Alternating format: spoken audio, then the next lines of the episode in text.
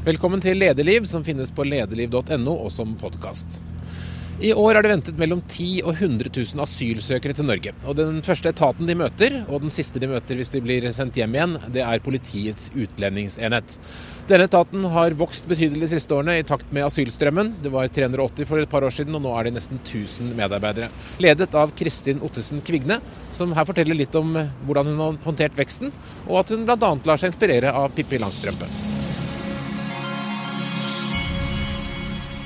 Kristin Kvigne, da du tok jobben som leder for Politiets utlendingsenhet i 2013, da var ikke så mange asylsøkere kommet til Norge. Ante du noe om hva du gikk til, hvor stort det kom til å bli?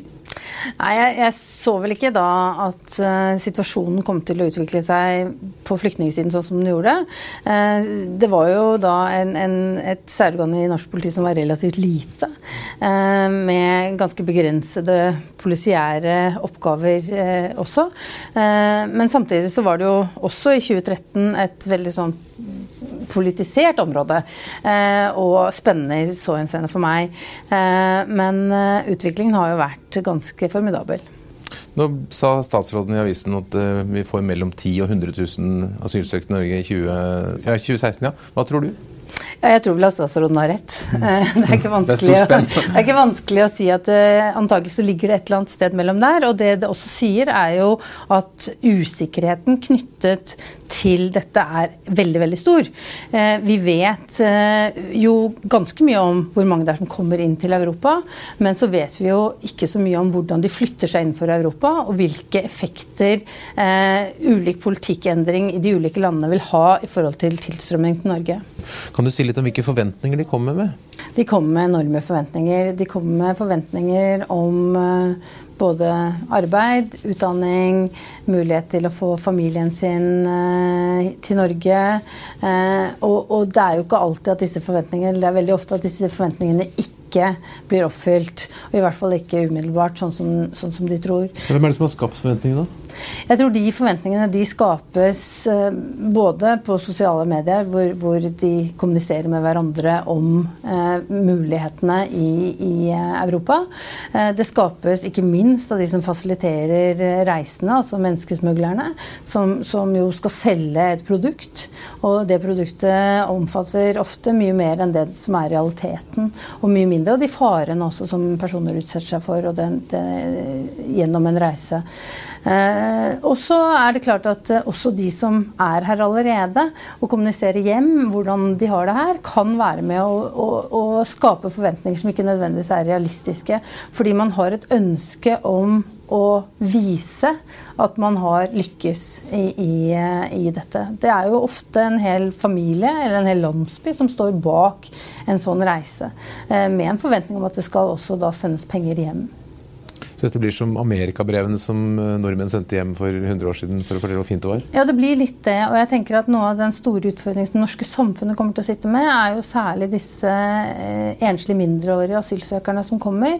Eh, som, som vil ofte sitter med store forventninger fra familien sin hjemmefra om å lykkes, og også som kommer hit med en tro på at eh, de veldig raskt skal komme i utdanning, eh, at de raskt skal kunne komme i et arbeid hvor de skal eh, sende penger hjem osv., og, og hvor det kanskje ikke skjer. Og det utvikler seg da et sånn forventningsgap da, mellom, mellom hva de trodde de skulle få, og hva de i realiteten får. Og det forventningsgapet er det jo det norske samfunnet som må tette. Eh, og det kan ikke politiet gjøre. Dette her vil være en samfunnsoppgave som, som hele, hele, både det eh, offentlige og det private Norge må ta seg av. Og sørge for at disse barna ikke ender opp med å være sinte og, og skuffede og desillusjonerte. Så du mener at det å bli eh, sendt hjem, det er ikke bare frykten for, for fare, men det er også et nederlag? Ja, det, det, det er det jo. Altså, det er jo et nederlag å måtte måtte eh, returnere hvis man ikke har oppnådd det man ble sendt, eller det man reiste for å oppnå. Eh, sånn at eh, Problematikkene i forhold til retur ligger jo der. Og det er klart at altså Når det gjelder de som er utsatt for forfølgelse, eller hvor det er farlig å reise hjem, de vil jo få opphold her. De vil jo få lov til å bli. Det er jo de, der man ikke ser at man har et asylgrunnlag, det er jo der de negative vedtakene kommer, og det er der det vil bli tvangseffektuert en retur hvis de ikke reiser frivillig. Og da reiser man hjem til et nederlag, egentlig? Da reiser man hjem til et nederlag. Så tror du dette er noe av grunnen til at eh, det er vanskelig å få sendt folk hjem? Jeg tror i hvert fall, altså Det er også noe av grunnen til at folk ikke ønsker å returnere assistert. Da, for vi har jo mange returprogrammer også i Norge som er gode, men vi ser jo at de i liten grad benyttes. Hva tenker du man kan gjøre med det? Ja, jeg tenker jo at, at eh, vi, vi, jobber jo mot et ganske hva skal man si, massivt trykk på sosiale medier. Og kanskje vi også må se om vi kan bruke den samme teknologien til å gjøre noen realistiske eh, informasjonskampanjer ut. Eh, fortelle folk hva som egentlig kan ventes, og fortelle folk særlig fra de stedene hvor man ikke kan forvente å få opphold, at det faktisk ikke kommer til å skje. Det gjøres eh, til en viss grad allerede, og jeg tenker at man må se enda mer på det. Hva er det man kan gjøre for å sørge for at folk ikke reiser i utgangspunktet, og at man heller skaper seg en fremtid der man er. Vi hører jo veldig ofte at de asylsøkerne som vi tvangs... Eller altså de som har fått eh, negativt vedtak og som blir tvangsreturnert, sier at de har en opplevelse av at livet deres har vært på vent.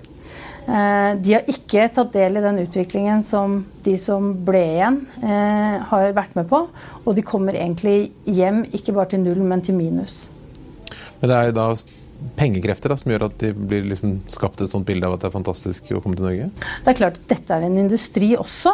Altså, jeg, skal under, jeg skal ikke underkommunisere at det er 60 millioner flyktninger i, i, verden. At det er et stort flyktningeproblem, og at det er eh, mange som har en legitim grunn til å forlate sitt hjemland.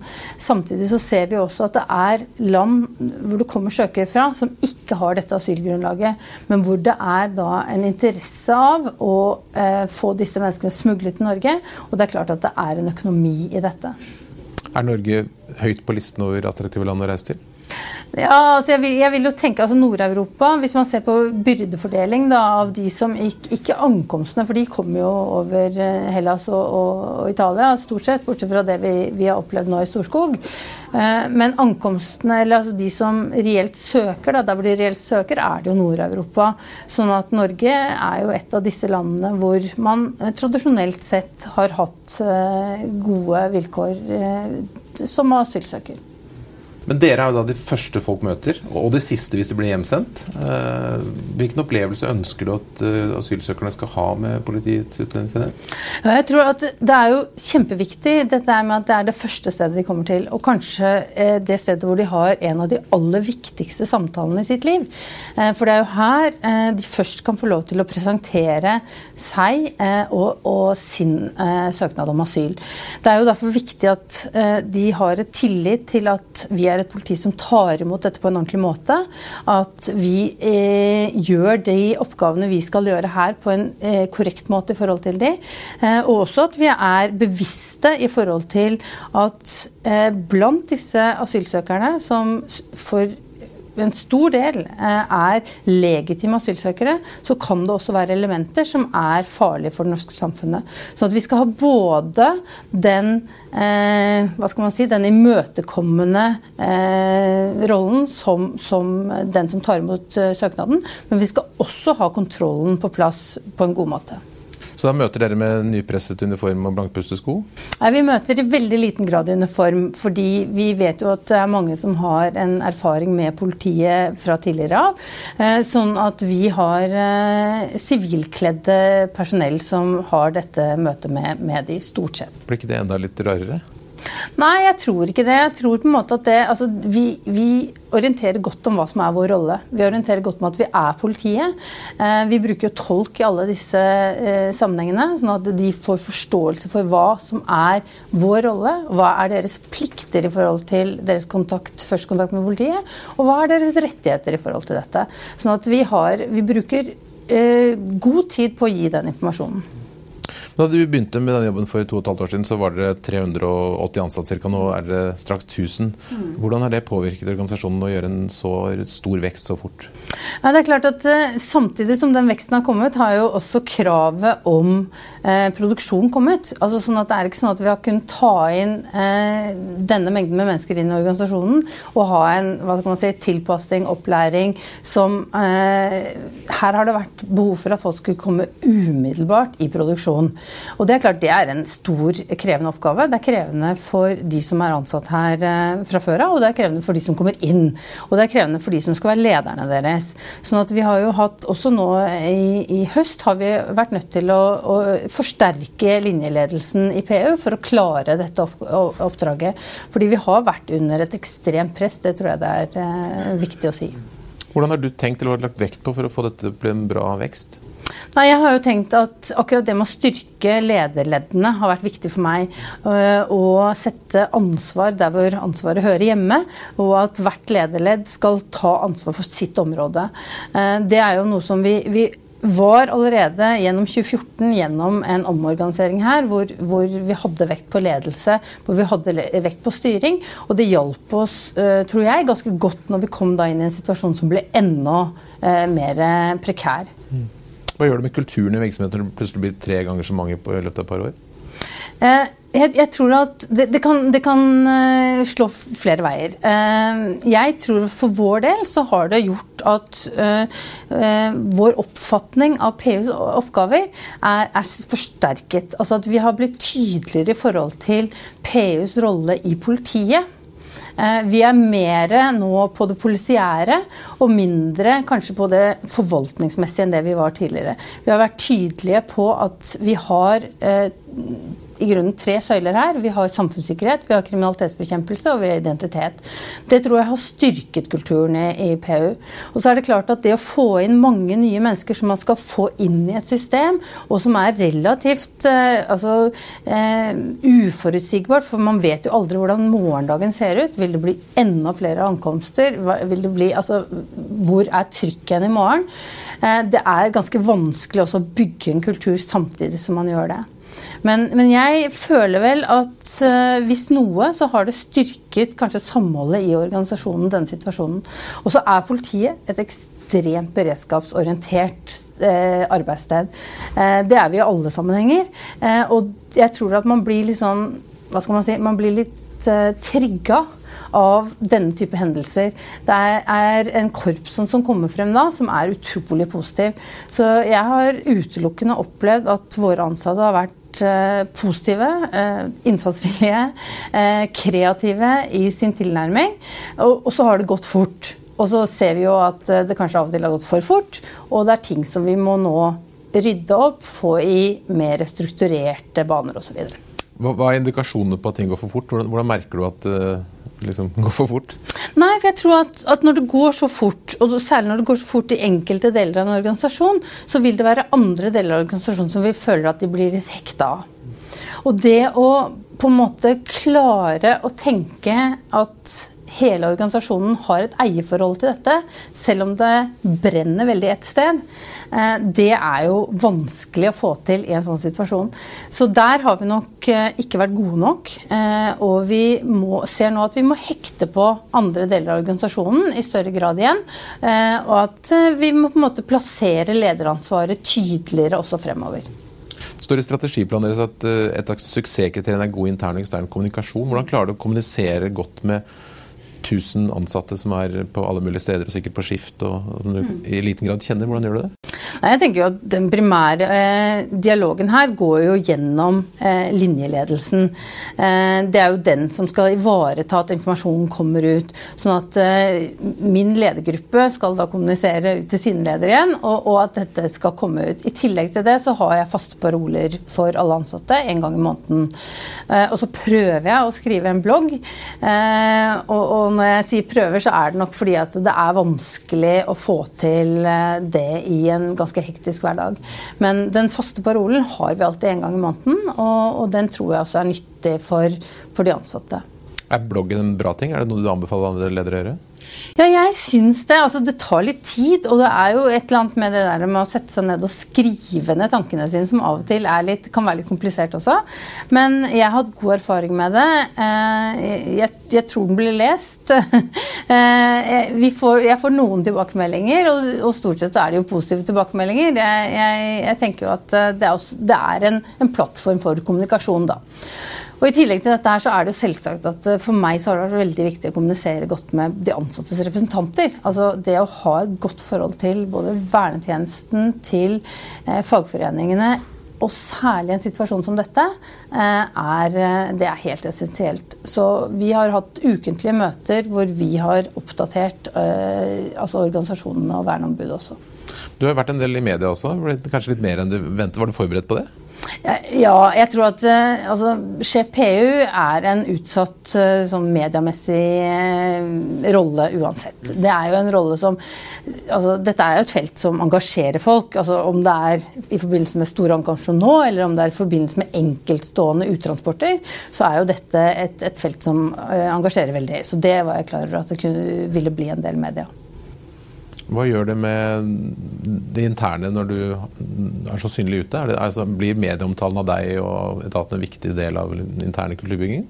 Ja, det tror jeg. Jeg tror det er viktig at vi har altså, Nå tror jeg det er viktig at det er andre enn meg også som er eh, ute og snakker fra PU. Og jeg syns at vi har vært, eh, hatt veldig mange eh, altså bra oppslag med utrolig dyktige folk eh, fra oss. Eh, og det er klart det er med å bygge både bildet innad her, eh, bildet i politiet og bildet mot samfunnet i forhold til hva PU er. Så du på et tidspunkt fikk kritikk av uh, verneombudet eller en eller annen intern tillitsvalgt for at du var for lite synlig, og kanskje fordi du var på høstferie, som jeg forsto det i hvert fall. Hva syns du om det? Jeg, jeg, tror ikke det var fra verneombudet. Jeg tror det var fra en journalist i, i, i et eller annet sted. Uh, ja, altså jeg, jeg, tar det, jeg. Det er greit, det. Uh, da hadde jeg jo en fungerende som var på plass og, og svarte for meg. vi så jo også at denne høsten uansett kom til å bli eksplosiv. Ikke bare den ene uken, men uken etter, uken etter, uken etter. Eh, så jeg følte vel egentlig ikke at det var så galt eh, å ta, ta, noen dager med høstferie. Jeg var ganske mye på både på telefon og mail også i den perioden. Så du tenker ikke at du trenger å være tilgjengelig når det brenner som mest? Ja, men det brant jo da i månedsvis. Så jeg tenker jo at eh, jeg har jo folk eh, rundt meg som også er i stand til å ta den eh, rollen. Eh, og det, det gjorde min NK definitivt på en veldig god måte denne uken. Hva har vært de viktigste erfaringene dine i den veksten dere har hatt nå? Som du tar med deg videre hvis du skal forandre organisasjonen videre? Ja, Hvis jeg skal eh, si erfaringen, så tenker jeg at eh, vi skal være fremover også veldig tydelige på PUs kjerneoppgaver. Ehm, det jeg nok sitter igjen med som en læring, er at eh, politiet og, og, PU gjennom veldig mange år to, har tatt på seg oppgaver innenfor altså feltet, altså utlendingsfeltet, særlig sånn første møte, som egentlig ikke tillegger oss. Eh, det er eh, oppgaver som f.eks. det å gi folk et sted å oppholde seg mens de venter på å bli registrert. Eh, gi dem mat, sørge for helse, sørge for oppfølging av barn osv. Som i en eh, rolig situasjon lar seg gjøre. Men i det øyeblikket eh, det utvikler seg og blir en stor ankomstsituasjon som det var nå, og vi må fokusere på våre kjerneoppgaver, så det, brukte vi nok litt for lang tid på å mobilisere andre, eh, andre ansvarshavende i det, i det feltet. Mm. Eh, så jeg tror vi skal være enda mer spissa i forhold til hva er politiets kjerneoppgaver her. Og at vi skal være tydeligere også overfor våre samarbeidspartnere for hva de kan forvente fra oss. Nå er dette et område som blir veldig mye debattert, og politikere mener mye. og sånn. Blir du fristet noen ganger til å smelle litt i bordet og si fra litt og engasjere deg i debatten? Ja, jeg tenker at Min rolle er vel ikke egentlig å engasjere meg i den politiske debatten, men, men Men får du lyst? Ja, ja, Av og til kan man jo få lyst til å engasjere seg. Eh, og, og, og, det er jo et område som engasjerer alle, tenker jeg. Og det ville vært unaturlig om ikke vi som satt midt i det, også ble engasjert. Eh, jeg tenker jo at vår rolle primært er å si fra hva som egentlig er fakta. Eh, og så blir det jo litt i varierende grad hvorvidt man klarer å nå frem med den det bildet som vi mener eh, er det riktige. Da. Eh, fordi eh, f.eks. For i, i høst når det var store ankomster og folk måtte vente utenfor her, så opplevde nok vi at den vinklingen ble litt skjev i forhold til at man viste nok kanskje litt liten forståelse for behovet vårt for å gjøre jobben. For å gjøre en ordentlig registrering. For å eh, foreta fingeravtrykksundersøkelser for å søke i internasjonale registre for å se hvem disse menneskene faktisk var. Og at det ikke er uproblematisk når det kommer så mange mennesker, og at noe ventetid da må, må man påregne. Eh, og jeg tenker jo da i ettertid, når vi da får kritikk for at vi ikke har gjort undersøkelsene grundig nok, mm. så, så, blir dette litt sånn, sånn, underlig for meg. Fordi at eh, vi har sagt hele tiden at vi trenger tid. Mm. Eh, vi mente at vi gjorde de undersøkelsene som var nødvendige, men ikke mer enn det heller, fordi vi var i en presset situasjon. Eh, og det å kunne få forståelse for det også i media, det syns jeg nok at eh, vi kanskje ikke fikk akkurat i den situasjonen. Hva er de vanligste misforståelsene eller feiloppfatningene rundt uh, hele dette asylområdet som, som du tenker altså, hva, er det, hva, er det, folk ikke har fått med seg? Ja, det, det, det, er vanskelig å si. Jeg tror folk har fått med seg ganske mye. Jeg tror folk er ganske oppegående på dette området og, og vet ganske mye om det. Uh, jeg tror det som er, er, er viktig for oss, er at uh, man vet at vi er det stedet hvor man kommer, hvor man blir registrert, og vi er det effektuerende organet. Vi er ikke vedtaksmyndighet. Vedtakene er det noen andre som fatter. Det er det UDI og UNE som fatter, og vi forholder oss til de vedtakene. Vi kan ikke endre eh, Altså vi kan ikke gjøre noen overprøving i etterkant. Det er det mange som tilsynelatende eh, ser ut til å tro. At vi kan velge hvem som skal uttransporteres eller ikke. Det er det ikke vi som gjør. Det er det noen andre som bestemmer. Nå er det mange her som får søknadene sine behandlet, og en del av dem sikkert, får sikkert avslag og skal sendes hjem etter hvert. Har du kapasitet til å sende hjem de som skal hjem?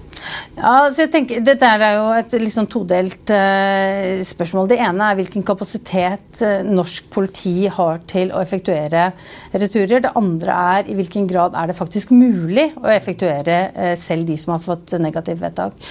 Jeg tror at vi har en relativt høy kapasitet på returer. Vi, vi, har en høyere kapasitet på returer enn det mange andre land som det er naturlig å sammenligne oss med, har.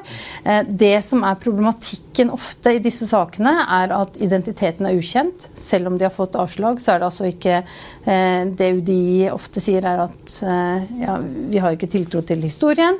Men vi må jo da verifisere identiteten til vedkommende. Det er et stort og veldig vanskelig arbeid. Eh, det vil involvere kontakt med hjemlandets myndigheter, eh, hjemland som ikke har de samme registrene som oss, eh, og, og en ganske lang vei å gå. Og personer som da ikke ønsker selv å medvirke til å oppklare sin identitet. Når vi først har fått klargjort en identitet, så er vi jo avhengig av at det er et hjemland som er villig til å ta det imot. Og det er ikke slik at alle land i, i verden er villige til å ta imot sine egne borgere på tvangsretur. Det er ganske vanskelig mange steder. Det kan man jo ha en viss forståelse for, fordi det også er stort sett land som er fattige, hvor det er et stort innenrikspolitisk press også i forhold til å ikke ta imot. Så det, vi kan regne med at mange av de som har fått avslag, de kommer til antagelig til å bli her? da? Det tror jeg vi kan regne med. Jeg tror vi kan regne med at mange, og Ikke bare de som får avslag her i Norge, men nå er det jo personer som kommer til å få avslag over hele Europa. Og jeg tror at den returproblematikken den kommer Europa til å måtte ta et felles eh, eller tilnærming til fremover. Når du former denne relativt store etaten etter hvert, har du noe forbilde? Er det noe, noe du vil at PU skal ligne på? Nei, nå syns jeg vi har et veldig godt politi i Norge. Jeg syns vi har et veldig godt uh, enhetstenkende politi. Uh, det er uh, en stor fordel i forhold til hvordan man har det i mange, mange andre land. Jeg har også jobbet i Interpol i en periode og sett hvordan politiet fungerer andre steder. Jeg tror vi har et godt fungerende politi i forhold til den demografien som vi har i Norge. Når det gjelder på en måte lederforbilder, så har jeg jo selv hatt veldig mange gode ledere opp gjennom tiden. Eh, jeg, jeg syns eh, det er mange politiledere jeg ser opp til, eh, både som er tidligere og, og nåværende. Mm. Og jeg håper på en måte at jeg klarer å komme inn i den gode hva skal man si, politiledertradisjonen mm. også. Syns du du klarer deg bra, eller? Det, tror jeg det er vanskelig for meg å svare på. Det tenker jeg at uh, mine ansatte uh, må, må, svare på. Men jeg tenker i hvert fall at jeg har en veldig bra uh, ledergruppe her. En veldig bra gruppe ansatte.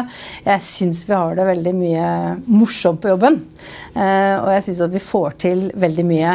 Jeg er kjempestolt av denne organisasjonen her som gjennom både 2013, 2014 og 2015 har klart å nå de måltallene som er satt, som er veldig ambisiøse. I tillegg til at vi nå i 2015 også har klart å håndtere en ekstremt vanskelig ankomstsituasjon. Har du noen sånne læresetninger eller som tenker at dette skal være en veileder for meg som leder? Nei, men jeg tenker, jeg tenker, Litt sånn mot tenker jeg kanskje er fornuftig å ha som leder. Eller være litt modig. Så jeg er jo litt sånn begeistra for Pippi Langstrømpe, som har, har, dette med at det har jeg aldri prøvd før, så det er jeg helt sikker på at jeg kan klare. Det syns jeg er en veldig god tilnærming til ting. At man må, som leder må være modig. Man må tørre å gå litt ut. Og så syns jeg det er viktig også eh, Det var en eh, Nå vet jeg ikke hvem som sa det, men som har sagt at eh, man skal ta sine medarbeidere på fersken og gjøre noe bra. Og det tenker jeg også er viktig. At man skal se og anerkjenne de veldig gode tingene som gjøres.